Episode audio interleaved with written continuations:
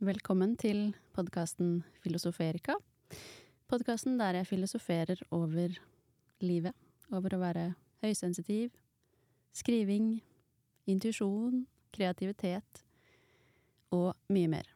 Jeg heter Erika Ribu, og i dag har jeg med meg Christian Stokke. Velkommen hit i dag.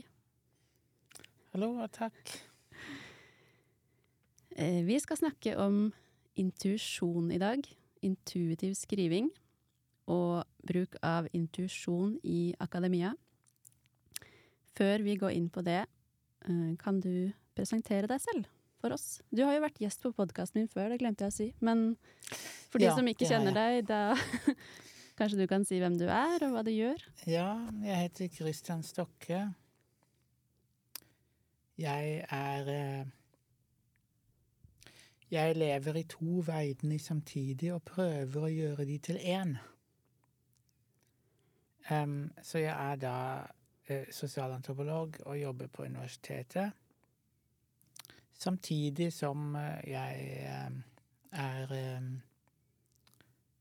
spirituell og snart utdanna astrolog. Og um, holder på med masse selvutvikling og lever i den verdenen. Og um, intuisjon i akademia er jo ja, noe jeg har gjort meg mange tanker rundt i det siste. Fordi for meg, fra mitt ståsted, så handler det om å Hvordan kan vi forene de to verdenene? Em,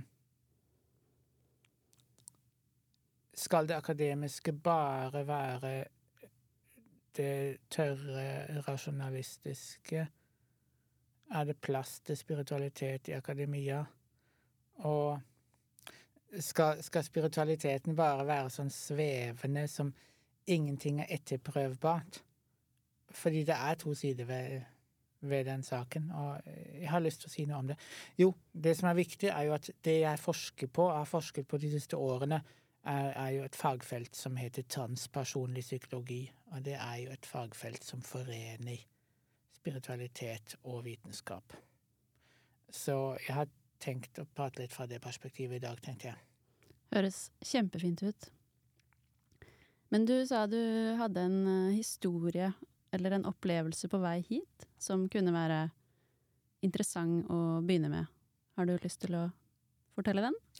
Ja, som en sånn em, litt innledende refleksjon rundt det. Um, for det handler om de to verdenene. Um, jeg tilbringer veldig mye tid i en um, spirituell verden blant spirituelle folk, og da mener jeg ikke det på noen sånn pretensiøs måte at det er folk som holder på med spesifikke ting, men, men altså eh, Folk som er mer opptatt av å gå litt innover og mm, leve fra hjertet, og litt mindre opptatt av å argumentere og på en måte reprodusere dominerende diskurser, da. Så det jeg opplevde når jeg kom i dag eh, ned til båten, var bare Oi, så mange mennesker. Og så hørte jeg på samtaler rundt meg, det var folk som snakket, og det var typiske sånne Folk snakket om jobb, de snakket om politikk, de snakket om nyheter. Eh, det var sånn, Jeg hørte noen diskuterte om hvordan ting var i skolen, og det var typisk sånn modus sånn Når det er morgen, og du er på offentlig transport på vei til jobb, kanskje på en flyplass spesielt, folk har drukket kanskje litt for mye kaffe, fordi at en ting jeg er opptatt av når jeg snakker om dette med intuisjon og, og eh, på en måte det rasjonelle, er jo at den rasjonelle verdenen, det er kaffeverdenen. Det er der vi går inn når vi drikker mye kaffe, og da går man inn. Det er en fin ting, det også. For da blir man veldig rasjonell. Altså Um, Men det kan bli litt sånn at man da eh, prater om hva man har sett i nyhetene, og hva som skjedde på jobben, og man blir veldig analytisk og uh, Det er på en måte fint til sitt formål, men veldig mange mennesker lever jo stort sett bare i den verdenen. Og uh, jeg tror det er lurt å være veldig selektiv med hva vi tar inn av eh, den dominerende diskursen, eller altså den støyen, det babbelet, som altså veldig ofte når man kommer, kommer inn på sånne steder, på offentlig transport, så hører man samtalefolk. Det er akkurat som å skru på radioen, liksom. Ja. Altså går det der Går det der babbelet der folk gjentar hva de har hatt på nyhetene, gjentar politikk, gjentar sånne diskusjoner, på en måte Så tenkte jeg bare Oi. Jeg hadde faktisk behov for fysisk å flytte meg litt vekk fra den folkemengden. Mm. Um, for jeg bare følte uh, Ja, her, nå skal jeg på en måte uh, passe litt på hva jeg Hva jeg tar inn. Og um,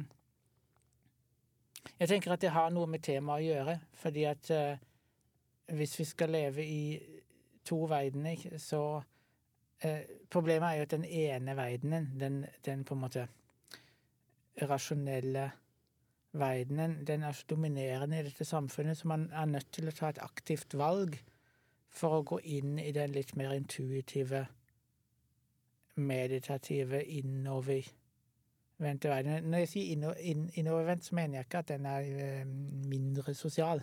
For det er heller det motsatte. Mm. Jeg tror vi connecter best med andre mennesker når vi connecter med oss selv først. Mm. Uh, og vi connecter faktisk veldig dårlig med andre mennesker hvis vi er veldig oppdatert på nyheter og alt det babler. For det er det som skaper konflikt og uenighet. Mm.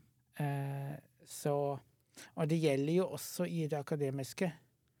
Én en ting med de vibbene på universitetet som jeg føler at jeg må holde litt på avstand noen ganger, det er dette dette behovet for å være kritisk bare for å være kritisk, som da snus til å hele tiden skulle kritisere hva andre sier. Um, det er noe fullstendig annet enn kritisk tenkning. Selvfølgelig skal vi tenke kritisk, men altså det, går, eh, det går an å være ukritisk kritisk, da, for å si det sånn. Og mange går bare på en autopilot og bare kritiserer det som blir sagt. Og det som skjer da, er at de kritiserer på en måte minoritetssynspunktene. De som sier noe nytt, originalt og annerledes. Mens de bare gjentar det, det vanlige. Mm. Og det er jo i hvert fall ikke noe som fører til at vitenskapen går videre. Mm. Eh, ikke sant? Jeg tenker at der ligger det et sånt problem, en sånn misforståelse rundt vitenskapelighet. Hva betyr det å være kritisk? Mm. Um, Har du noen eh, Ja, for du er er jo intuitiv og ganske sensitiv, og jobber i akademia. Hva er din tilnærming til, til det med å være kritisk? Du sier at vi trenger det, men hvordan kan vi gjøre det på en annen måte? um,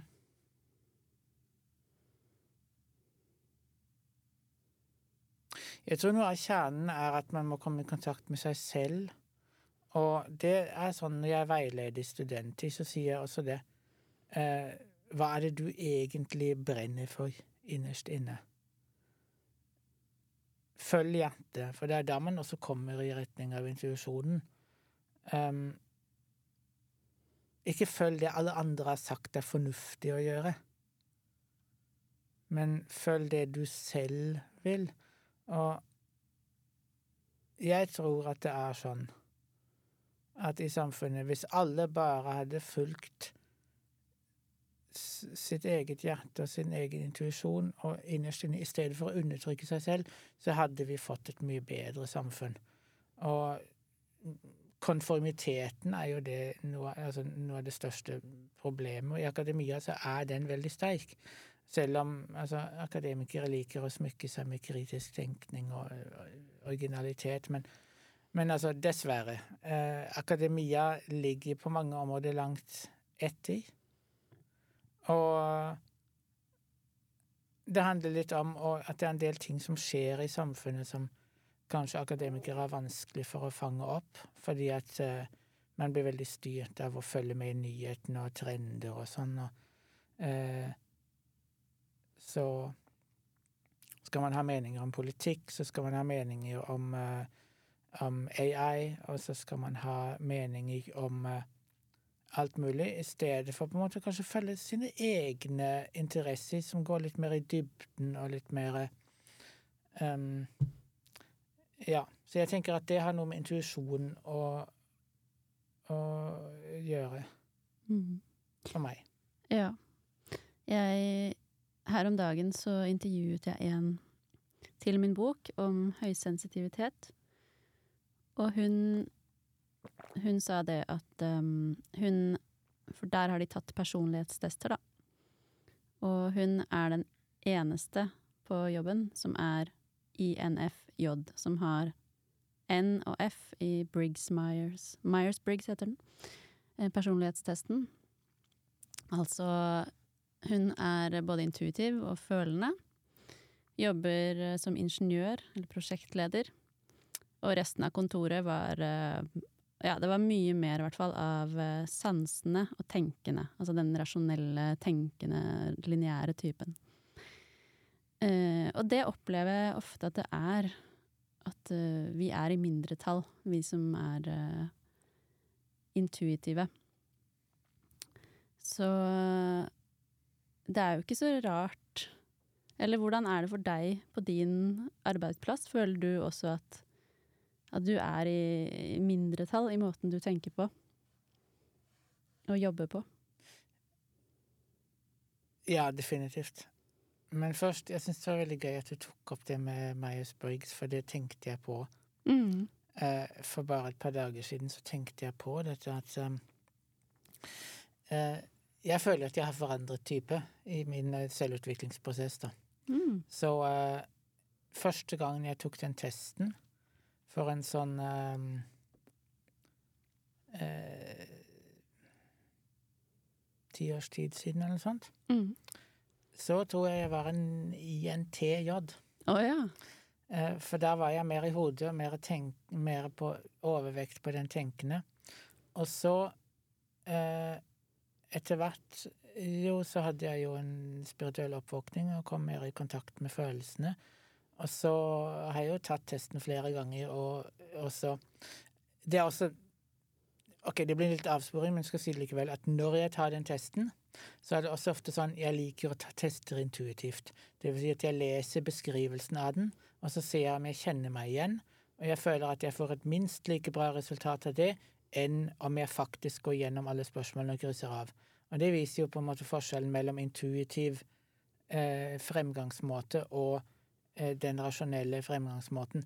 Fordi at jeg opplever ofte at uh, hvis jeg bare leser beskrivelsen, så kan jeg kjenne meg igjen, og da vet jeg hva jeg er, og det kan intuitivt sett Og det kan faktisk være mer korrekt enn når jeg gjør alle spørsmålene, fordi at det er jo ikke slik at bare fordi spørsmålene er laget sånn, selv om det er 100 spørsmål, så gir det det korrekte svaret. Og det er jo nettopp der den problemstillingen er mellom vitenskapelig fremgangsmåte, altså hva er hvordan skal man gjøre ting. Men, men den sangen er så fant jeg ut så, så, så ble jeg da i en FJ etterpå. Og så, etter litt noen år videre i denne prosessen, da, så har jeg jo eh, eh, Føler jeg jo at jeg har utviklet meg enda mer, og jeg har blitt eh, eh, mer ekstrovert og mindre judging, så jeg har begynt å nærme meg en ENFP, og nå er det bare intuisjonen som henger igjen av den opprinnelige. um, så jeg lurer jo på om jeg nå skal bevege meg mer i retning av sansning også, da. Mm. Um, uh, jeg vet ikke, kanskje det er det neste steget. Uh, for er det ikke slik at vi skal bli hele mennesker? Alle alle polaritetene skal forenes. Det er i alle fall det jeg lærer på astrologistudiet, da. Mm. At uh, hvis jeg har veldig mye skorpionenergi, så skal jeg også integrere tyren, for eksempel. Mm. Og, og, at det er på en måte at motsetningene uh, skal forenes. Og jeg tenker at det er det akademia og altså rasjonalitet og intuisjon. Mm. Um, ja. Dette var på en måte digresjonen, da, men hvor, uh, Vi kan godt hva- uh, digre, digrerere Ja. mer, eller hva det heter. Digre, Ja, ja, Men fordi, du hadde et spørsmål, egentlig. Ja, men først uh, Jeg må bare kommentere på det, fordi Ja. jeg syns sånn, uansett hvilket perspektiv man ser det fra, da, så handler det jo om ikke sant, det å oppnå balanse og bli hel, som du sier. Fordi i astrologien så er det vel sånn, i hvert fall da jeg ble lest, at uh, ja, du er her nå, og så i dette livet så skal du bevege deg hitover. Altså du skal utvikle deg denne veien. Ja. Ikke sant? Og det kan jo forklare det at du nå har blitt en litt annen personlighet, siden du har gjort så mye selvutvikling. Mm. Uh, og så uh, i dag så drev jeg og skrev et um, kapittel om uh, noe som heter The Dominance Theory, med en som heter Margaret McKinnon, som jeg har blitt veldig opptatt av i det siste. Eh, hun snakker om at eh, altså hun ser på dette som eh, at vi er dominant, dominante i ulike dimensjoner. Altså noen er mer spirituelt dominert, altså orienterte, og fødes sånn. Og så har vi de som er mer kroppslig orienterte, mer hodestyrte osv. Men poenget hennes da er at vi skal få en balanse mellom alle disse i løpet av livet. Så ja, jeg syns det bare er så kult at uh, nesten uansett hvilken sånn retning man går inn på, eller teori, så, så handler det om å, å skape denne balansen, da, og bli hel, som som du Mm. sier. Mm. Ja, det er veldig mye som uh, Det er jo så mange Altså, det er så mange perspektiver på det. Det er jo Hvis man ser på dette med bevissthetsutvikling, kan du tenke på sånn som Ken Wilby, som snakker om liksom Man har det tradisjonelle, moderne, det postmoderne, så kommer jo også det integrale stadiet, som han da snakker om, Mm. som handler om å forene eh, ting. Og vi, jeg tror vi kollektivt er i den prosessen nå, der vi skal forene ting. Og det er dette med hva er vitenskapelighet. En ting som jeg har, jeg har skrevet om dette også, og jobba med det vitenskapsteoretisk. Altså, for de som ikke er akademikere, vitenskapsteori eh, handler jo om eh, hvordan vet vi hva som er sant. Mm. Um, og uh, den allmenne forståelsen av vitenskap er ofte veldig overfladisk. Uh, folk tror at vitenskap handler om objektiv sannhet, og det gjør det jo ikke. Og um, eh, det kan kanskje virke som et paradoks, men jeg opplever jo ofte at eh, de som er mest åpne for intuisjon og spiritualitet, er jo veldig ofte folk innenfor naturvitenskap, innenfor medisin, fysikk, den type eh, felt, mens det er- hersker en del sånne eh, dogmer og tabuer mer i de humanistiske og samfunnsvitenskapelige fag og, og psykologi, for eksempel. Um, så eh, jeg husker jeg leste noe statistikk på det der hvem er mest Hvem er det mest eh, Altså, nå er, nå, nå er jo religion og spiritualitet to forskjellige ting, men, men uansett, da, det var, en, det var en sånn statistikk på hvor finner du flest ateister, og det er blant psykologene og humaniora og samfunnsvitenskapsfolk.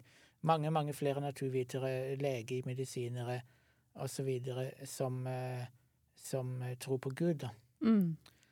Um, og det er jo Det er jo interessant, fordi at vi har blitt opplært Jeg vet ikke hvor vi har lært det, skolen, media, eller bare overført fra en generasjon til neste, om at konflikten mellom religion og vitenskap handler om noe så banalt som eh, for eksempel Tror du på darwinisme, eller tror du på skapelsesberetningen? Mm. Uh, og når det blir på det nivået der, så er det egentlig ganske uh, uinteressant, fordi at da blir det en dogmatisk fortolkning av um, begge. Og det jeg syns er interessant, er å se på historisk hvordan har det dominerende synet i vitenskap i vitenskapen vokst frem. Og um, det var et tidspunkt der eh, kirka hadde altfor mye makt i Europa. Så Norge på 1700-tallet, da snakker vi om sånn Iran i dag. Saudi-Arabia. Mm. Eh, sånn for å forenkle litt, da. Og vi glemmer det, på en måte. Så det er klart at på den tiden så var det jo eh, nødvendig å frigjøre seg fra eh, religion. Og så, når naturvitenskapen da vokste frem, så ble det inngått et politisk kompromiss om at eh, vitenskapen skulle holde seg til det objektivt observerbare, og ikke blande seg inn i filosofiske og moralske spørsmål, sånn at kirka kunne beholde sitt monopol på det. Mm. Og så gikk jo tiden, da, ikke sant, moderniteten utviklet seg videre sammen med økonomi, teknologi og alt det der. Og på 1800-tallet så kom jo da samfunnsvitenskapen eh, med sosiologene og um, Flere av disse, blant annet han som regnes som sosiologiens far, det tror jeg var August Comte, han sa jo at sosiologien da skulle være like objektiv som fysikk. Mm. Og hvorfor det? Jo, fordi at, ikke fordi at han var nøytral eller objektivt på noen måte, men fordi at han hadde en veldig sterk politisk kampsak, og det var å gå i krig med teologien og rett og slett la sosiologi, den ateistiske samfunnsvitenskapen, erstatte teologien som en moralsk premissleverandør for hvordan samfunnet skulle forstås. Mm. Eh, sånn at samfunnsvitenskapen som helhet ble jo skapt som en aktiv motstand mot religion. Så det er ikke rart at den motstanden er der. Og så har mye av dette hengt igjen. Og så hadde vi jo på en måte på det 1950-, 60-, 70-tallet disse stridene rundt det som kalles positivisme. Så positivisme er jo i vitenskapsteori det er jo den ideen om at det bare er altså Det har ingenting med normativt hva som er positivt eller negativt å gjøre, men positivt i den forstand at det som kan observeres og måles og sånn, det er noe som positivt eksisterer. Jeg syns det er litt sånn eh, Det er en ordbruk som ikke passer med hvordan folk flest intuitivt oppfatter det, så det er en sånn Man må oversette Mm. eh, det.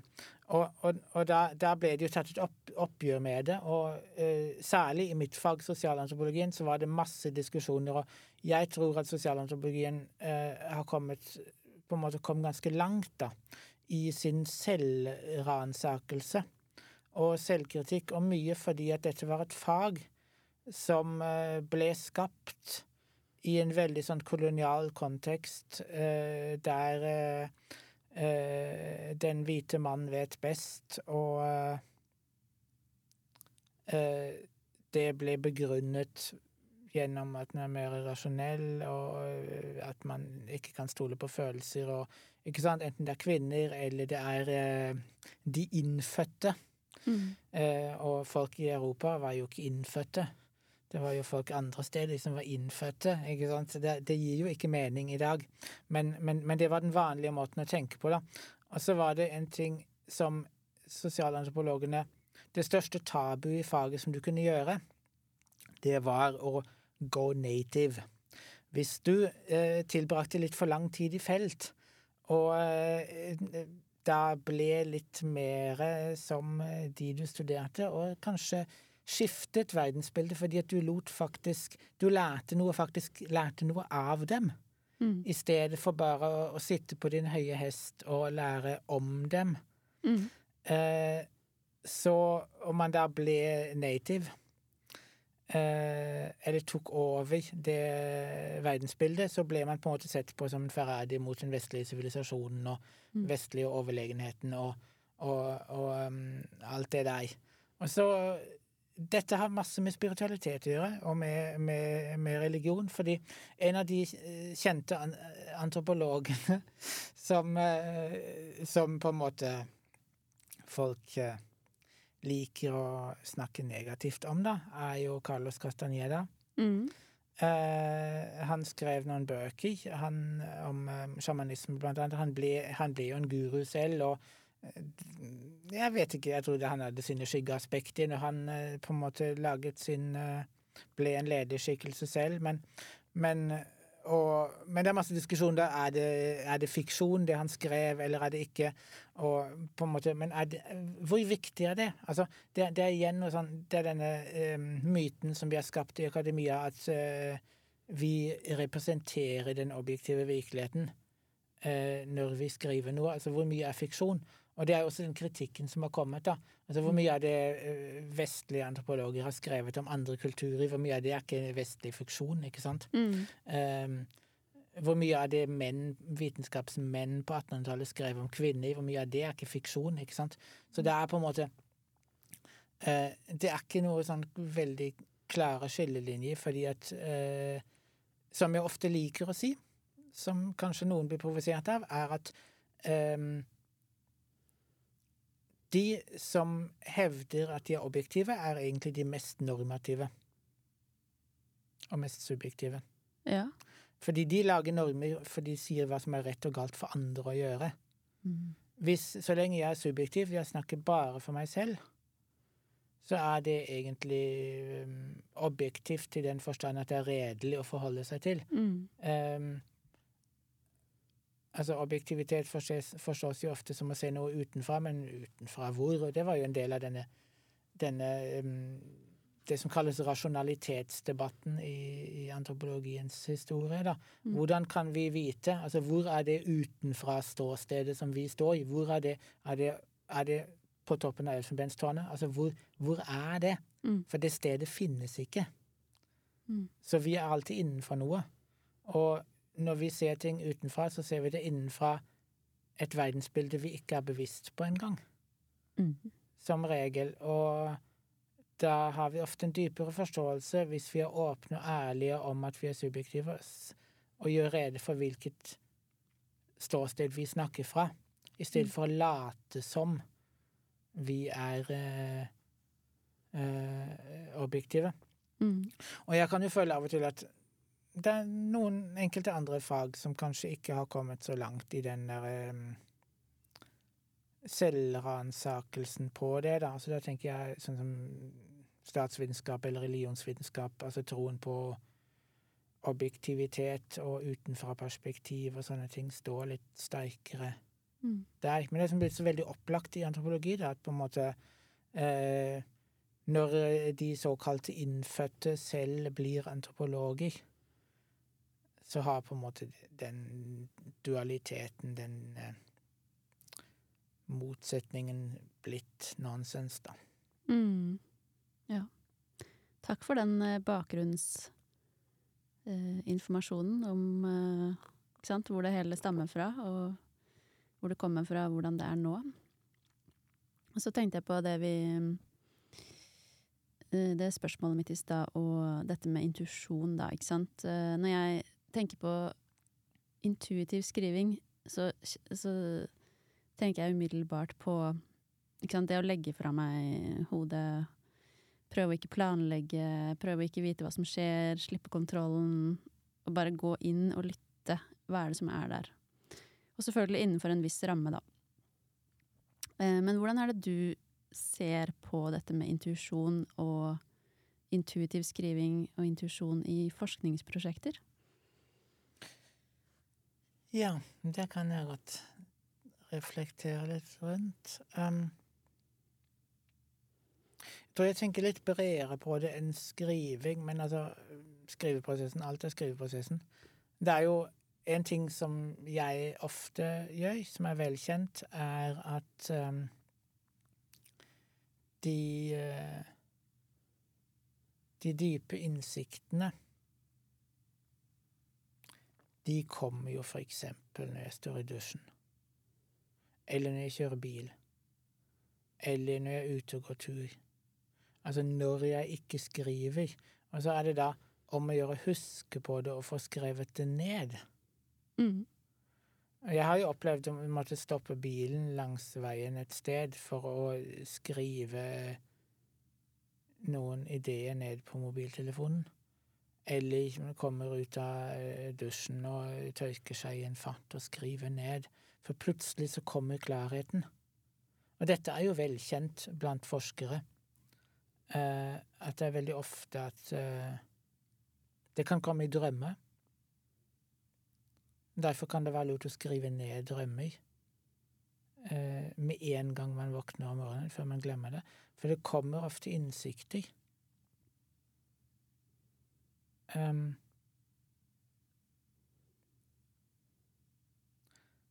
og, eh, og det jeg tenkte på Jo, aha-opplevelser. Jeg husker ikke hva han sånn i vitenskapsfilosofi, sånn på X-Fill og sånn, det var en sånn dude som eh, sa eureka, var det ikke det? Så han fikk en idé. Ja, en sånn det er så lenge siden jeg tok eh, X-Fill. Ja, jeg husker ja. ikke hvem det var. Nei, ikke heller. Men, men, det er jo sånn, man får den aha-opplevelsen, plutselig så kommer den, og så eh,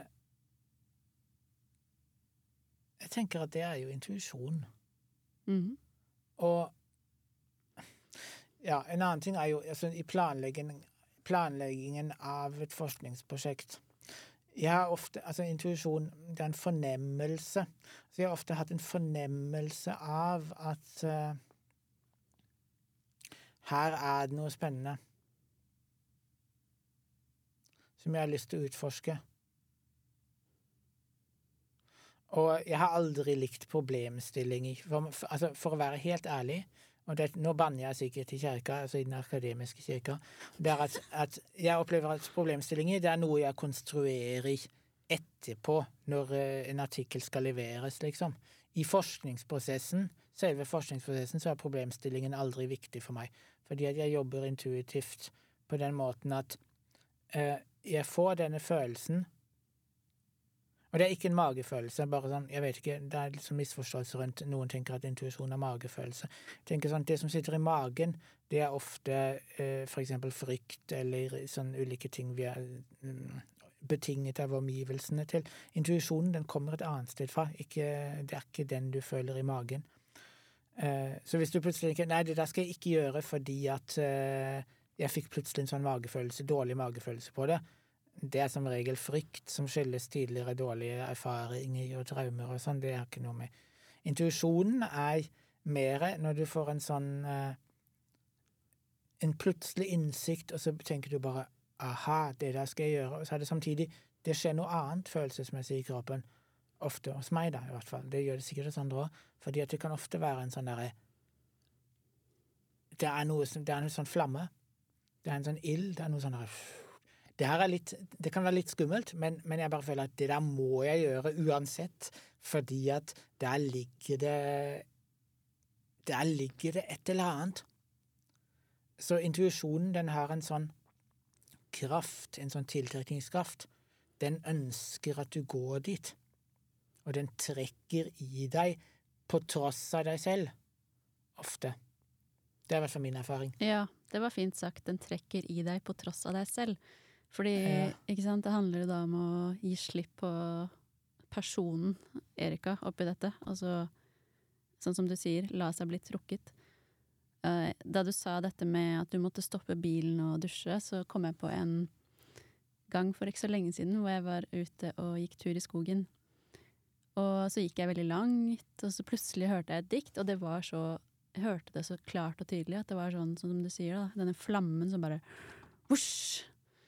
Og så, og så var det akkurat som noe i meg var sånn Å, herregud, herregud, jeg må skrive det ned. Og så hadde jeg ikke med mobil, ikke noe penn og papir. Men så kjente jeg på så snart at hvis jeg ikke skriver det nå, ned nå veldig snart, så kommer jeg til å glemme det. Så da løp jeg nedover eh, veien, og så var jeg sånn Jeg må finne noen naboer, eller jeg må komme meg inn et sted for å skrive det ned. Og så visste jeg at uh, den hytta som jeg hadde leid før, da, den var uh, Jeg visste at det ikke var noen der, men jeg visste hvor nøkkelen var. Det er en venninne av meg som bor der. Hun var på ferie. Så jeg bare OK, jeg må bare låse meg inn der. Og så låste jeg meg inn der, og så tok jeg et uh, ark og en penn og bare fikk skrevet det ned. Og da var det akkurat som at det var sånn Åh, nå kan jeg puste. Fordi det, for hvert fall for meg, så blir det så Det presser seg sånn på. Det er umulig å ikke få det ut. Så gøy det du beskriver der med altså når, når den eh, Hva heter det på norsk? En sånn urge en sånn, Den er så sterk Trangen. at du bare må Ja. få skrevet det ned Ja. før du glemmer det. Mm. Um, og de ideene Altså, veldig ofte i forskningsprosessen altså Når jeg får første idé La oss si det er en konferanse jeg har lyst til å dra på. Denne, så må man jo alltid sende inn et lite sånt um, sammendrag på hva man vil snakke om. Og da sitter jeg ofte og klør meg i hodet. liksom, Hva skal jeg finne på å snakke om her, da? For det er faktisk en av de tingene som jeg eh, eh, som jeg har hatt positiv erfaring med, da, fordi at hver eneste gang jeg har sendt inn sånt sammendrag, så har det blitt akseptert. Mm. Eh, men hvis jeg sender inn liksom akademiske artikler, så blir det alltid avvist på første forsøk. Ja. Eh, så, men akkurat disse her er sammendragene til hva jeg skal snakke om på en konferanse, og der er det ofte sånn at den ideen bare kommer. Og det har noe med lengden å gjøre, da, kanskje, ikke sant? for det er det ene avsnittet, da. Og det kan, det kan man få når man går i skogen eller kjører bil eller dusjer eller noe sånt. Um, mens en artikkel innebærer jo litt mer av det der å jobbe systematisk med noe. Da møter jeg som regel disse En av mine akademiske eh, mentorer sa 'pass deg for de metodologiske vakthunder'. Mm.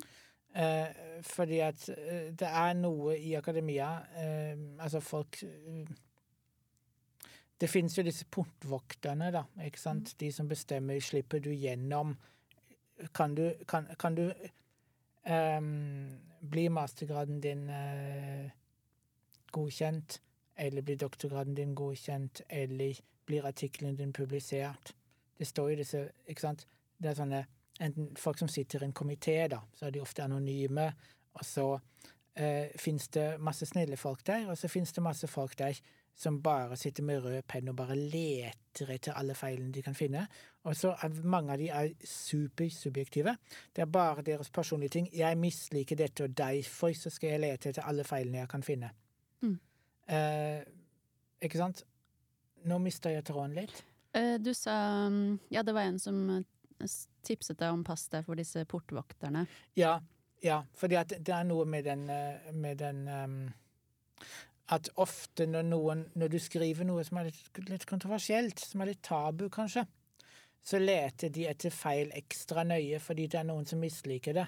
Mm. Og altså Jeg merker det jo selv, og vi har alltid et valg. Som akademikere så har vi også et valg. Skal vi legge godviljen til, eller skal vi legge vondviljen til? Og jeg har sittet så mange ganger eh, som sensor, for eh, spesielt som sensor for masteroppgaver. Og da er vi alltid to stykker. Og så vurderer vi da som regel, så, altså i de aller, aller fleste tilfellene, så er vi en enighet mellom rundt hvor landet ligger, sånn cirka mellom to karakterer. Og så er det da spørsmålet Skal vi la tvilen komme studenten til gode? Og jeg tenker altså Og mange, mange medsensorer også. Eh, og det er det jeg liker, er å tenke sånn OK, hvis det er tvil, så lar vi den tvilen komme studenten til gode. For hvorfor skal vi insistere på å gjøre livet vanskelig for folk, på en måte? Men det er noen, jeg har møtt på noen, som er opptatt av finne feil. Ja, vi må passe på standardene, det er ikke perfekt, det er ikke, så, det er ikke akkurat prosedyrene. Og så det sånn, Men hvorfor insistere på de prosedyrene? Mister man på en måte eh, Det er så mange ulike måter å gjøre vitenskap på, og det er så viktig å få formidlet at det er ikke én korrekt måte å gjøre vitenskap på. Mm. Da kommer jeg litt inn på et annet tema. Altså I transpersonlig psykologi så er det jo faktisk noe som heter intuitiv forskningsmetode. Men er det bare innenfor transpersonlig psykologi? Går det ikke an å benytte den metoden i andre fagfelt? Jo, jo, men uh, altså, det er jo aksepten for det, da. Okay. Altså Det har jo kommet Det er jo mange fag der som, som man har fått mye mer fokus på kroppsliggjøring og embodiment. Og for eksempel i, i sosialantropologi, hvis man drar på feltarbeid, eksempel, det å ikke bare observere med øynene hva som skjer, med, og, og med ørene og lytte, men å faktisk føle med kroppen og delta hva som skjer. Eh, Det er jo noe som, som, som blir eh, eh, mer vanlig. Og også det å bruke subjektive egne erfaringer, sånn som autoetnografi, har jo blitt et, et fagfelt. Men det er også mye motstand blant en del folk. Men, men jeg tenker at det som er viktig, det jeg prøver å formidle til liksom ja, alle de som holder på med sine egne masterprosjekter eller doktorgradsprosjekter og sånn, er at det finnes ikke en korrekt måte å gjøre det på, uansett hvor mye noen folk liker å opphøye seg selv til sånne bedrevitere som, som, som vet det korrekte. Kunsten er å finne de rette folka som er åpne for det du vil gjøre, for alt handler om det. Det er helt umulig å gjøre alle til laks, gjøre alle fornøyd, og det skal man heller ikke. Mm. Samtidig så er det jo klart at eh, de folka som allerede er åpne, der kan man eh, Jeg vet ikke om jeg skal kalle det Jo, det kan være kompromiss av og til, men det kan være Altså, ting kan pakkes inn på en sånn måte at folk kan forstå det. Og eh, det har jeg også nylig hatt noen erfaringer med det, fordi at det er noe med eh,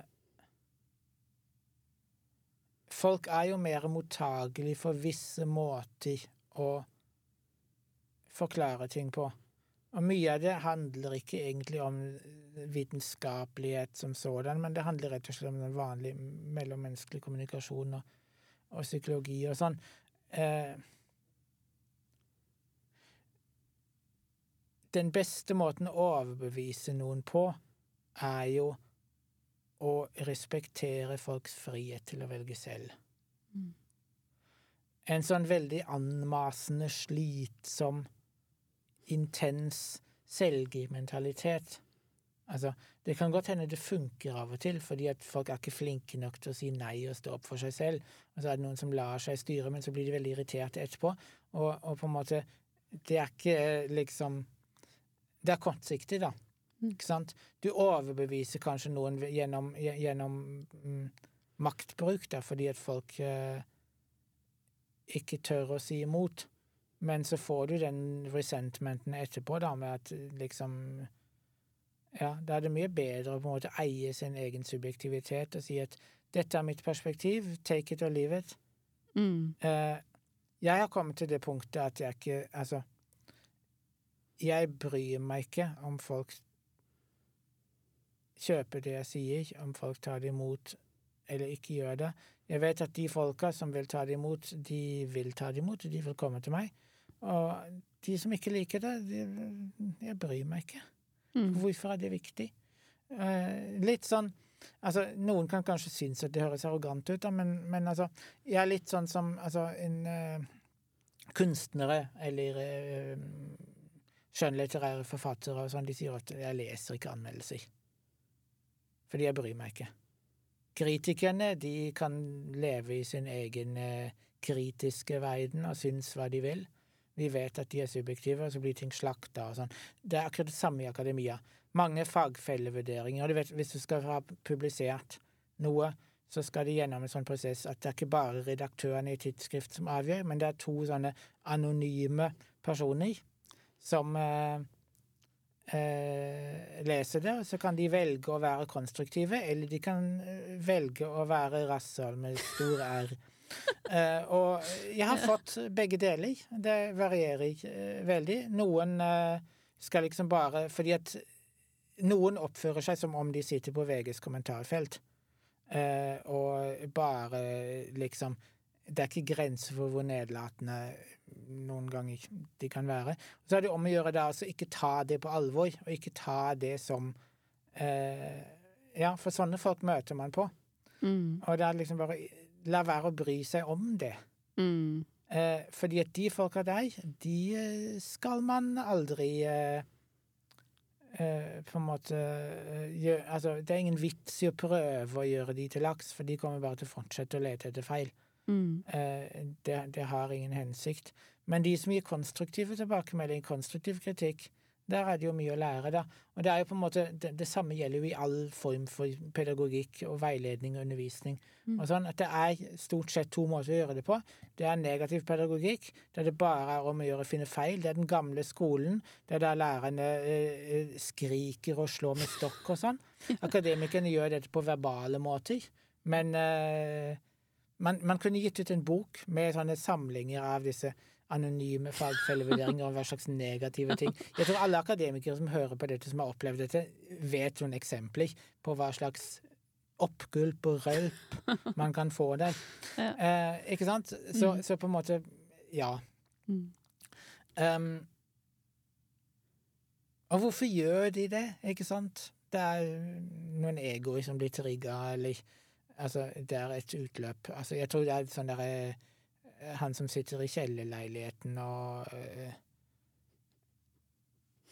Kommer med sånne ja, breivikske argumenter. Jeg tror det kan være litt sånn. Ja. Uh, ja for å ikke bli altfor flåsete, altså. Ja, Men- ja. ja. Men uh, jeg tenkte på det du sa med sant, å skrive prosjektbeskrivelse og um, problemstilling og sånne ting. Fordi uh, jeg kjenner meg igjen i det at uh, jeg syns det er vanskelig å skrive. Og jeg vil helst skrive det på slutten når jeg vet hva det handler om, når jeg har gjort hele Mhm. jobben. ikke sant? Og jeg opplever jo at de gangene jeg har skrevet prosjektbeskrivelse, for det må jeg noen ganger, for å sende inn til eh, ikke sant, stipendsøknader og sånne ting så er det akkurat som at uh, jeg mister gnisten helt. For da er det sånn Å ja, men det står jo i prosjektbeskrivelsen akkurat hva jeg skal gjøre. Da er det jo ikke noe spennende lenger, det er ingen overraskelser. Det Ja, jeg opplever at magien har eh, forsvunnet litt. Um, hva Ja. Har du noen tanker om Hvis man opplever dette, hva, hvordan kan vi ikke sant? Vi må jo være innenfor et system og skrive disse tingene, men hvordan kan vi beholde intu, den intuitive gløden oppi det hele? Jeg har opplevd det selv så mange ganger. Mm. Det er noe med at hvis du planlegger et prosjekt Selve planleggingsprosessen kan være spennende, men med en gang du da får en kontrakt, så, blir det en jobb, da. Eh, og så ødelegger det mye av gleden ved det, fordi at da, skal, da kommer alt det administrative, og du skal rapportere ditt og datt. Og, og, em, Av og til så lurer jeg på om uh, Altså, hvorfor er det så mange som tror at forskning og akademia må være kjedelig? Altså Jeg er også litt opptatt av på en måte en At det er en balanse i det.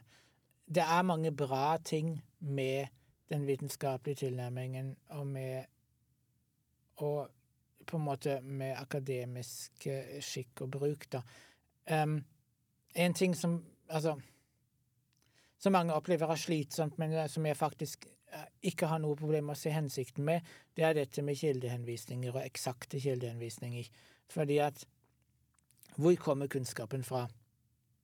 Selvfølgelig kan det brukes på to måter. Det kan være fordi at noen har store egoer har lyst til å ta copyright på noe og mener at du, du har stjålet ideen min og sånn. Ja, det er den ene siden av det. Men det er ikke bare det. Det handler jo også om at hvis man systematisk skal samle inn kunnskap, så må man Altså, så ja, så er det mye mer redelig å si hvor du kommer fra.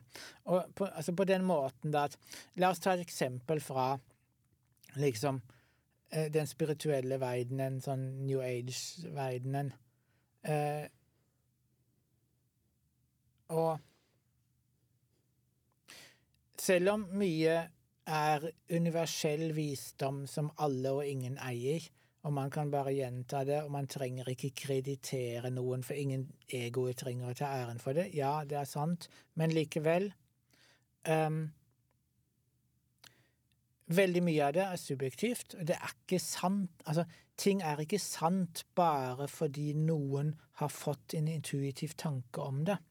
Bare fordi at Freud eller Marx eller Nietzsche eller Darwin fikk en nedlasting en kanalisering når en sto i dusjen, eller eh, profeten Mohammed, eller Jesus, eller Buddha, fikk det, så betyr ikke det at det er objektivt sant. Det er noe som er filtrert gjennom den personens bevissthet. Det er den personens subjektive tolkning av en innsikt. Og det betyr ikke at ikke den innsikten likevel kan komme fra noe universelt, eller fra en kollektiv bevissthet, eller fra noe intuitivt, eller fra Gud, eller fra eh, en større innsikt i eh, noen naturlover. Ja, du kan gjøre alt det også, men alt er filtrert gjennom en person. Og da, da spiller det en rolle hvor det kommer fra, og hvem som har tolket det i hvilken livssituasjon, i hvilken kontekst, og, og, og, og alt det der. Og eh, derfor er det litt sånn og det vet jeg mange spirituelle folk er enig med meg i, at hvis du bare googler etter noe, og så finner du masse ting, da, eh, så er det mye sånn uetterrettelighet, du vet ikke hvor du kommer fra. For eksempel, hvis, hvis eh, Det er mange som har hatt opplevelser med eh, å møte sjelevenner, og så er det ulike teorier om tvillingsjeler og sånne ting. Og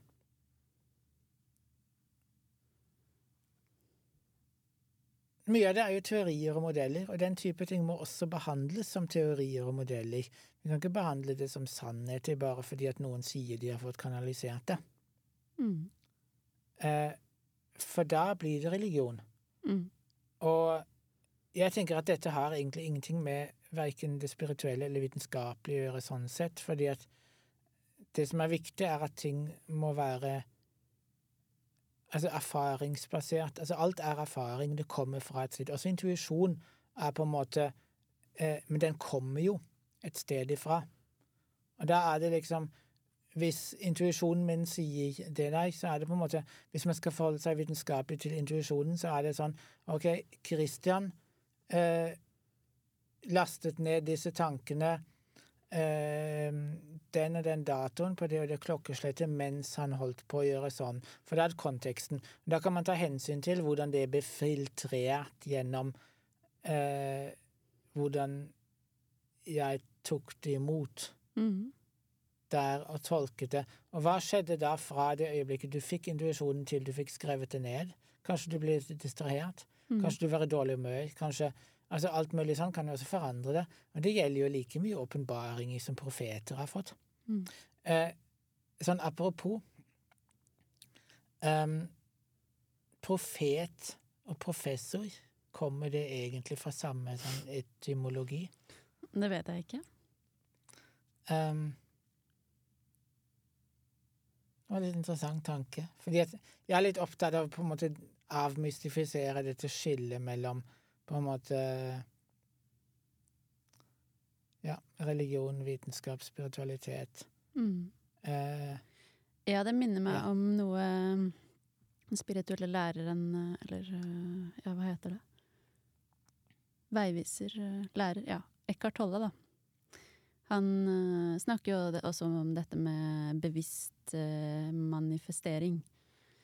Og, og det å la sant, noe bli skapt øh, gjennom deg. Men han, han er jo tydelig på det at Eller han, han sant, snakker om at hva er det universet vil skape gjennom deg? Men så ga han det eksempelet med seg selv, da, at han har jo en viss bakgrunn. Han har den og den kunnskapen, han har lest de og de bøkene, han har den og den oppveksten. Han har en, en ramme for å kunne skape. Det er ikke sånn at universet gjennom han ville skapt han til en ballerinadanser eller en musiker, for den rammen har han ikke. Så det er jo som du sier at eh, det spørs jo eh, hva slags eh, kunnskap vi allerede sitter inne med. mm, Og um, tilbake til det, det som jeg spurte om med prosjektbeskrivelser.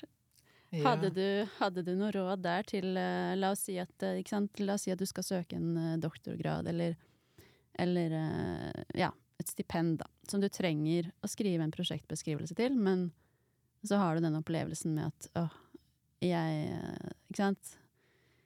Vet ikke helt hva det handler om før jeg har eh, gått intuitivt inn. Syns det er vanskelig å planlegge på forhånd, og sånne ting. Hva, hva ville du gjort i en sånn situasjon? Eller hva pleier du å gjøre?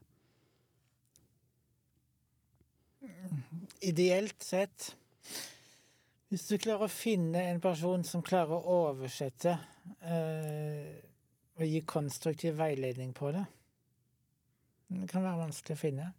Mm. Det finnes folk som er veldig flinke på eh, det formatet som en prosjektbeskrivelse skal skrives inn i. Jeg er ikke det. Mm. Og eh, jeg liker å eh, henvise folk til andre når de kommer med sånne spørsmål Mm. eh, til meg, fordi at eh, det har litt å gjøre fordi Altså, eh, på godt og vondt Jeg er jo utdannet i et et bestemt fag, sosialantropologi, som ligger eh, posisjonert kanskje litt i, i ytterkanten av mainstream også, fordi at den tradisjonelle måten å gjøre antropologi på var å dra et sted på feltarbeid, og så ser, ser du hva som kommer. Og så er det et ideal, det husker jeg vi lærte allerede for lenge siden, den første gangen jeg kom her oppe på Blindern, som vi sitter nå, um, at sosialantropologi er et holistisk fag, sa de.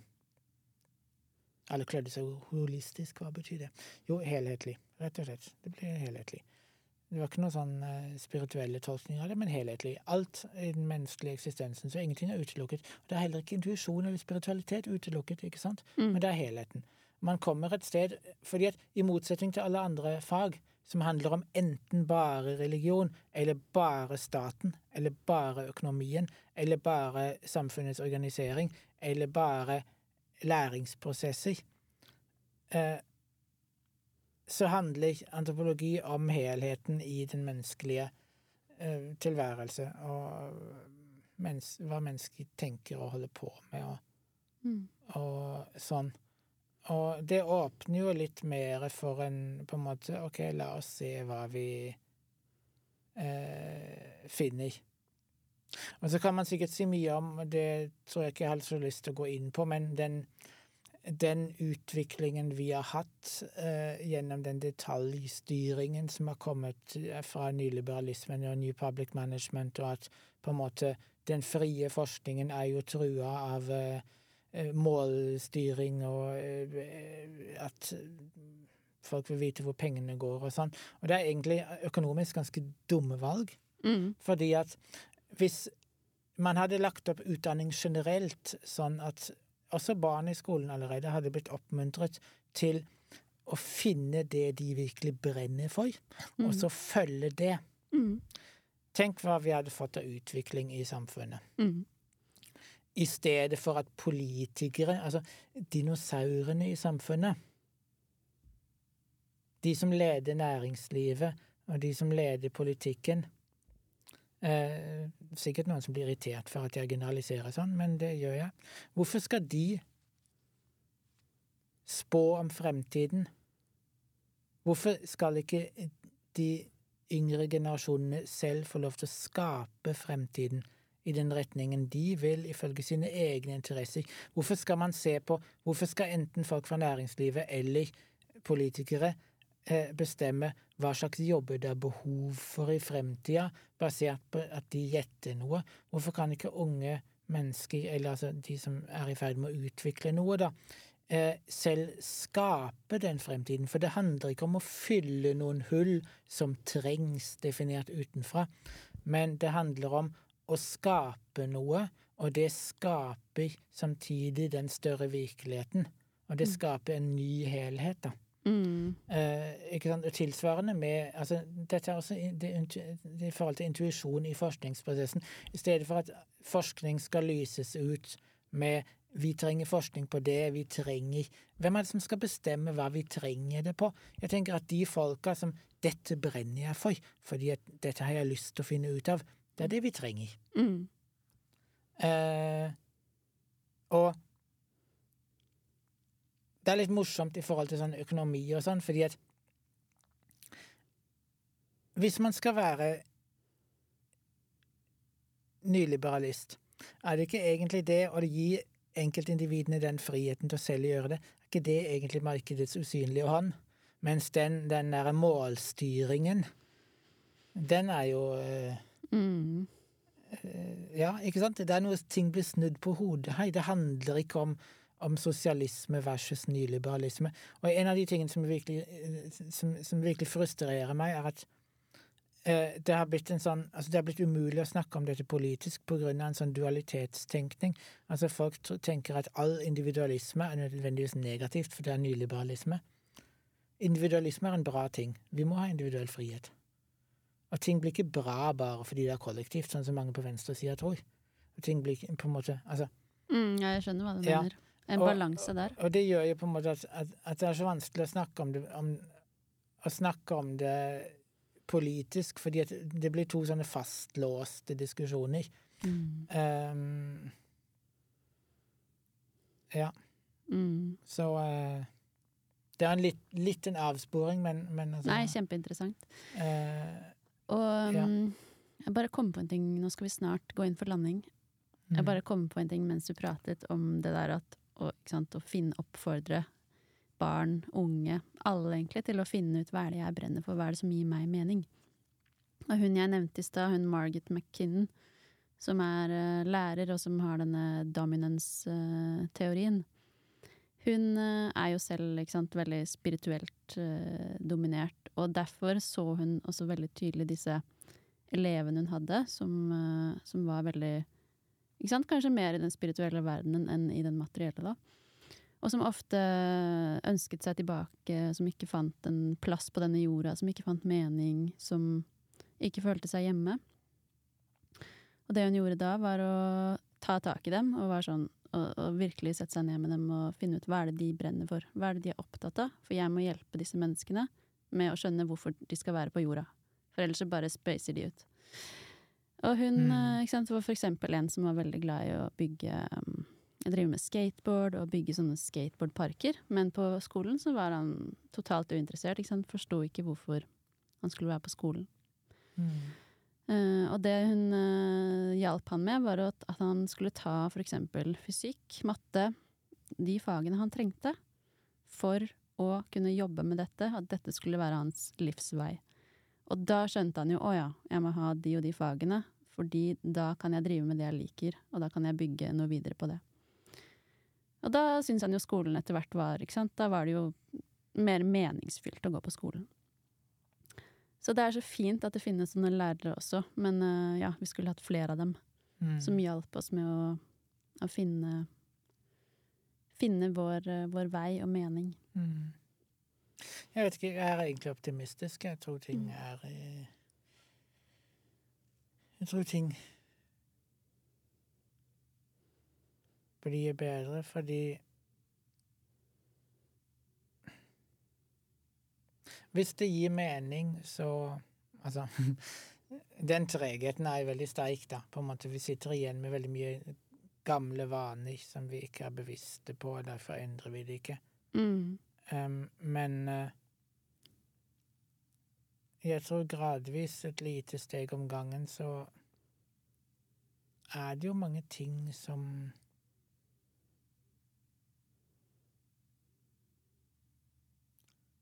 blir bedre. Det er vanskelig. Det er et filosofisk spørsmål, da, på en måte. eh, eh, forsvinner kunnskap? Øker vi faktisk kunnskap om ting? Mm. Um, men vi gjør da noen fremskritt, så det er en utvikling fremover. Jeg ønsker meg ikke tilbake til uh, verken 1700-tallet eller 1800-tallet eller 1930 eller 1950 eller Sånn alt i alt så blir ting bedre. Og mye av grunnen til at ting blir bedre, er også fordi vi får mer kunnskap. Så vitenskap er jo definitivt viktig. Det handler ikke om Altså, jeg håper ikke noen misforstår at på en måte For det er de som tenker på vitenskapelige dogmer på en sånn måte at at uh, liksom det som jeg tar til orde for, for eksempel, Mm. kan oppfattes som at jeg vil rive ned på en måte vitenskapelighet og så gjøre fritt frem eh, Fritt frem kan det godt være, men, men på en måte um, Det er mye i den vitenskapelige metoden og fremgangsmåten som har verdi. Og det med å samle inn kunnskap på systematisk måte er jo viktig. Eh, fordi